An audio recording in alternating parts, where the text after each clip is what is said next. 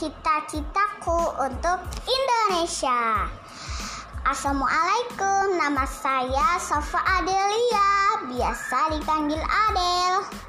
Adel mau menceritakan cita-citaku untuk Indonesia.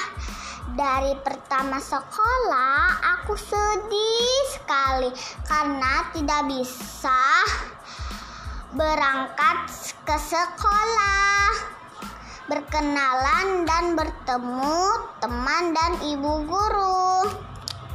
Semua itu karena adanya COVID-19. Sem- semua kegiatanku, aku dan keluargaku dilakukan di rumah. Sampai-sampai aku bosan dan jenuh karena tidak bisa ke mana-mana.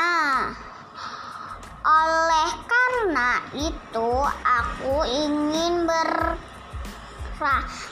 bercita-cita menjadi dokter agar bisa menyembuhkan orang-orang yang terkena COVID dan menyu- mengurangi penyebaran penyebaran COVID sampai COVID hilang dari negeri kita Indonesia agar aku bisa sekolah dan bertemu teman-teman. Amin.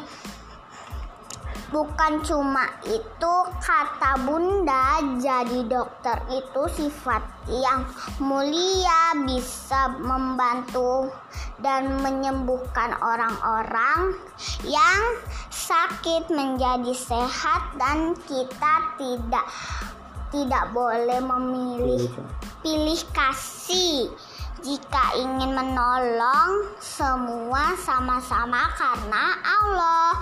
Sudah dulu ya cerita dari Adel bantu doanya.